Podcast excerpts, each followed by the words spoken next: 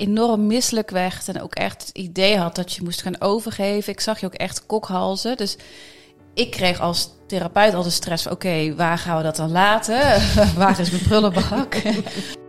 Ik denk dat het helpt als een kinderarts zelf heeft ervaren dat een kindje is opgeknapt juist door het buitelen. Of stabiel werd door het buitelen. En dan, dan is denk ik de motivatie om dit te doen ook nog veel groter. Kom luisteren naar de podcast Min 0 tot 5.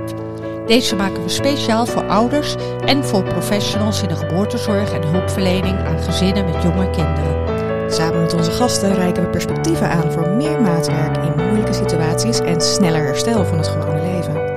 Ik ben Louise van den Broek, hoofdredacteur van Klad Vroeg. En ik ben Marjoleine de Zeeuw, klinisch psycholoog IMA Nederland. Ja, en ik ga dus nog een stapje verder van dat het gewoon standaard aangeboden zou moeten worden. Ja. Van, eh hè, het is een ziekte en net als bij andere ziektes. Ja, al- als het maar gewoon een gesprek van, goh, hoe is het met je? Ja. Hoe heb je de zwangerschap Ja. ervaren? Hoe is het nu om moeder te zijn? Ik ken ook verhalen van vrouwen die zeggen van, ja, als ik eh, nu naar mijn baby kijk, dan eh, denk ik soms toch ook nog wel eens van, nou ja, door jou ben ik zo ziek geweest. Abonneer je op onze podcast op de gebruikelijke platforms Spotify, Apple en Google.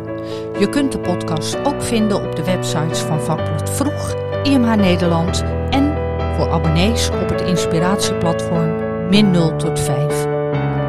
Alles voor het herstel van het gewone leven in gezinnen met veel stress.